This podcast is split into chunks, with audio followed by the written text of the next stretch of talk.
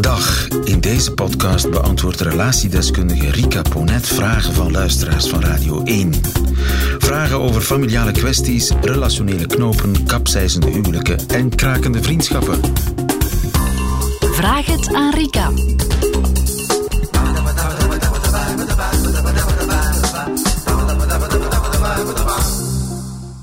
Rika, ik heb een vraag eh, van Frida gekregen. Oké. Frida is 61 en schrijft het volgende. Mijn enige zoon, die in de 30 is, heeft sinds een paar jaar een Spaanse vriendin. Het gaat heel goed tussen hen. Hij is ondertussen ook verhuisd naar Madrid en heeft er werk gevonden. Ze willen graag kinderen, wat ik fantastisch vind. En om die reden gaan ze ook trouwen. Maar ze willen dat zo bescheiden mogelijk doen. Ze willen het alleen onder hen beiden doen, zonder familie, omdat ze het zien als iets administratiefs en zijn van plan om later zowel daar als hier een soort van feest te geven voor familie en vrienden. Ik vind het fijn dat mijn zoon, die ik alleen opvoedde, zo zijn weg gaat en gevonden heeft en vooral de dingen doet waar hij zich goed bij voelt. Tegelijkertijd voel ik een enorm verdriet bij dit alles. Hij is mijn enige kind en ik had zo graag deel uitgemaakt van dit verhaal. Zij nodigt haar ouders ook niet uit, dus ik hoef me niet opzij geschoven te voelen. En ik weet ook dat het mijn probleem is, maar het gevoel is er en het gaat niet weg. Hoe kan ik daar beter mee omgaan? Frida, Ja. De, ja, de, de moeder die eigenlijk erbij wil zijn als haar zoon trouwt en zich afgewezen voelt. Goh, ik vind het eigenlijk wel een hele lieve brief. Hij lijkt mij een lieve vrouw ook. Ehm, omdat ze het ook erkent als het is mijn probleem. Ehm, en inderdaad, er zit een gevoel van afwijzing onder, maar ze gaat zo niet in het slachtofferschap staan. En dat Maar het vind is ik er wel heel mooi aan. hè? Zijn huwelijk, een van de basisregels van een huwelijk is: doe Ja. Alles wat je zelf vindt. Als je je Ja. huwelijk gaat aanpassen aan de verlangens van anderen, dan eindig je. Ja, in Ja. feesten waar je niet zelf op aanwezig wilt zijn. Ja. En, die, en dat, die wil bruidsmeisje zijn en die wil nog dit en, en die moet ook komen en ze willen dat. Of, het, het is zijn of hun ja, klopt. huwelijk. Ja, absoluut. En dat herkent zij eigenlijk ook. Hè. Ik denk, Waar zij mee worstelt is niet zozeer de beslissing die die zoon heeft genomen of de keuze die dat koppel gemaakt heeft, maar meer...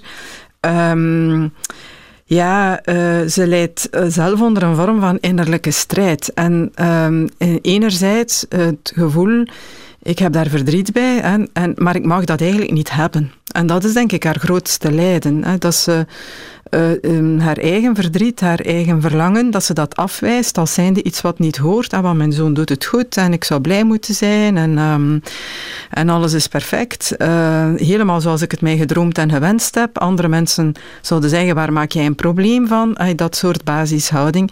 En toch voelt ze bij zichzelf een diep verdriet. En Ja, ik begrijp dat verdriet ook. Ja, En eh, kennelijk komt het in hem niet op, ja. en in haar ook niet, dat die ouders daar misschien.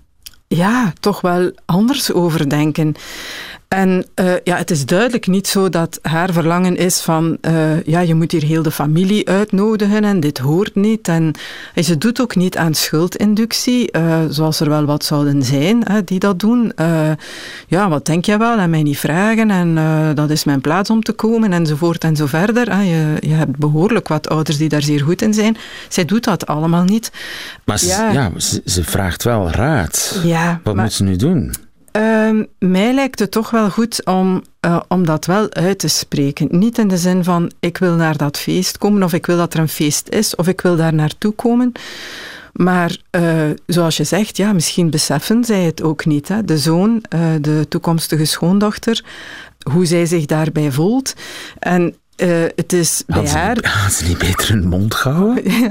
In het, in het geheim. En gewoon in het geheim. Als ze dan toch niet van plan zijn om iemand te vragen, als ze het dan toch als een administratieve kwestie beschouwen, als, een, als, als het afsluiten van een verzekeringspolis, dan ga je toch ook niet over rondbellen? Dat doe je um, Ja, misschien was dat inderdaad de betere, de betere weg geweest. Uh, dat je het dan meldt op het moment dat het voorbij is.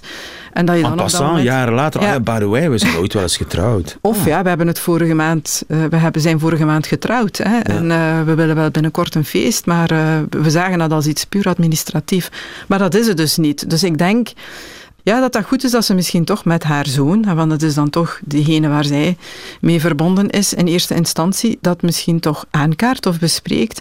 En niet zozeer vanuit ik moet daar nu op aanwezig zijn of ik wil daar naartoe komen, maar meer vanuit het verlangen dat het is en wat ik een heel mooi verlangen vind. Hè. Um, wij zijn familie, wij zijn, ja, zijn, zijn, moeder heeft hem helemaal alleen opgevoed. Hè. Dat, dat is een verlangen naar, zoals ze dat in het Engels heel mooi zeggen, to belong. Hè, om daarbij te horen en om het gevoel te hebben dat je daarbij hoort en dat je ook belangrijk bent. En dat vind ik nooit een probleem als mensen dat uitspreken. En waar onderweg zijn wij dat gaan problematiseren, dat je een bepaald verlangen naar nabijheid, dat je daar uitdrukking zou aan geven. En ja, zoals ze haar brief schrijft, eh, zo lijkt mij dat prima als ze dat onder woorden brengt naar haar zoon toe. En misschien kunnen ze dan ergens ook een tussenverhaal vinden. Ze hoeft daar niet bij te zijn, maar ehm, kan er nadien in heel intieme kring iets gedaan worden en waardoor zij toch het gevoel heeft ja, ik ben toch iets anders dan wat verre vrienden van aan de universiteit of zo, die ook op dat feest zijn en waarmee ik mij nu gelijk geschakeld voel. Hè. Dus uh, ik uh, kan toch op een intiemere voet, op een intiemere basis, um, ja, de twee ja. mensen die ik heel graag zie, uh, daar op de een of andere manier vorm aan geven. Maar je zegt eigenlijk vooral aan Frida, veeg het niet onder de mat, doe er nee, iets mee. doe er iets mee, geef daar uiting aan. Um, zonder daarom nogmaals een ja te verwachten. Dat hoeft geen vraag te zijn naar ik moet daarop aanwezig zijn. Misschien het aangeven van dit is mijn verlangen, of dit was mijn verlangen, of dit doet mij pijn. Ik vind dat dat absoluut mag uitgesproken worden. En ja. bij een volgende gelegenheid, ik zeg maar wat, als ze kinderen krijgen en er is een doop, uh, ja, gaan ze misschien uh, voor zichzelf de conclusie trekken. Weet je, ons ma vorige keer, die zag daar toch precies vanaf. Bevragen die gewoon. Ja. Hè, dit, uh, dat is wat mensen doen met behoeftes in intieme relaties. Je geeft ze aan. En dan is de daad van liefde dat de andere daaraan tegemoet komt, denk ja. ik. Ja, dus, um... ja, en toch, ja, in de basis ligt het, het verlangen van die twee kinderen, hè, eh, van die zoon, om, om, dat, om dat heel intiem te houden. Omdat eigenlijk, ja. om, om zijn, zijn huwelijk is iets van hem alleen. Ja, en ja, daar heeft hij uiteraard, dat is altijd opnieuw weer in elke relatie speelt dat een rol. En zeker in de relatie van ouders naar kinderen of van kinderen naar ouders toe.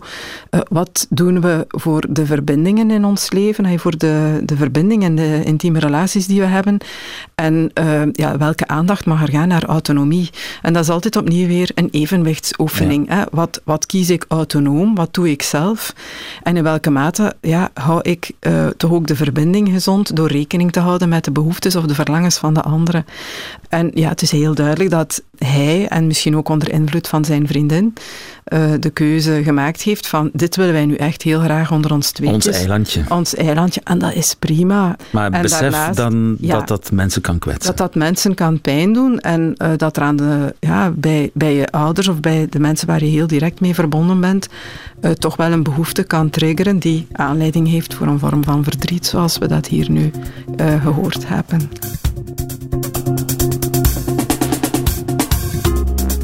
U zelf een vraag voor Rika Ponet? Stuur ze dan naar nieuwefeiten.radio1.be.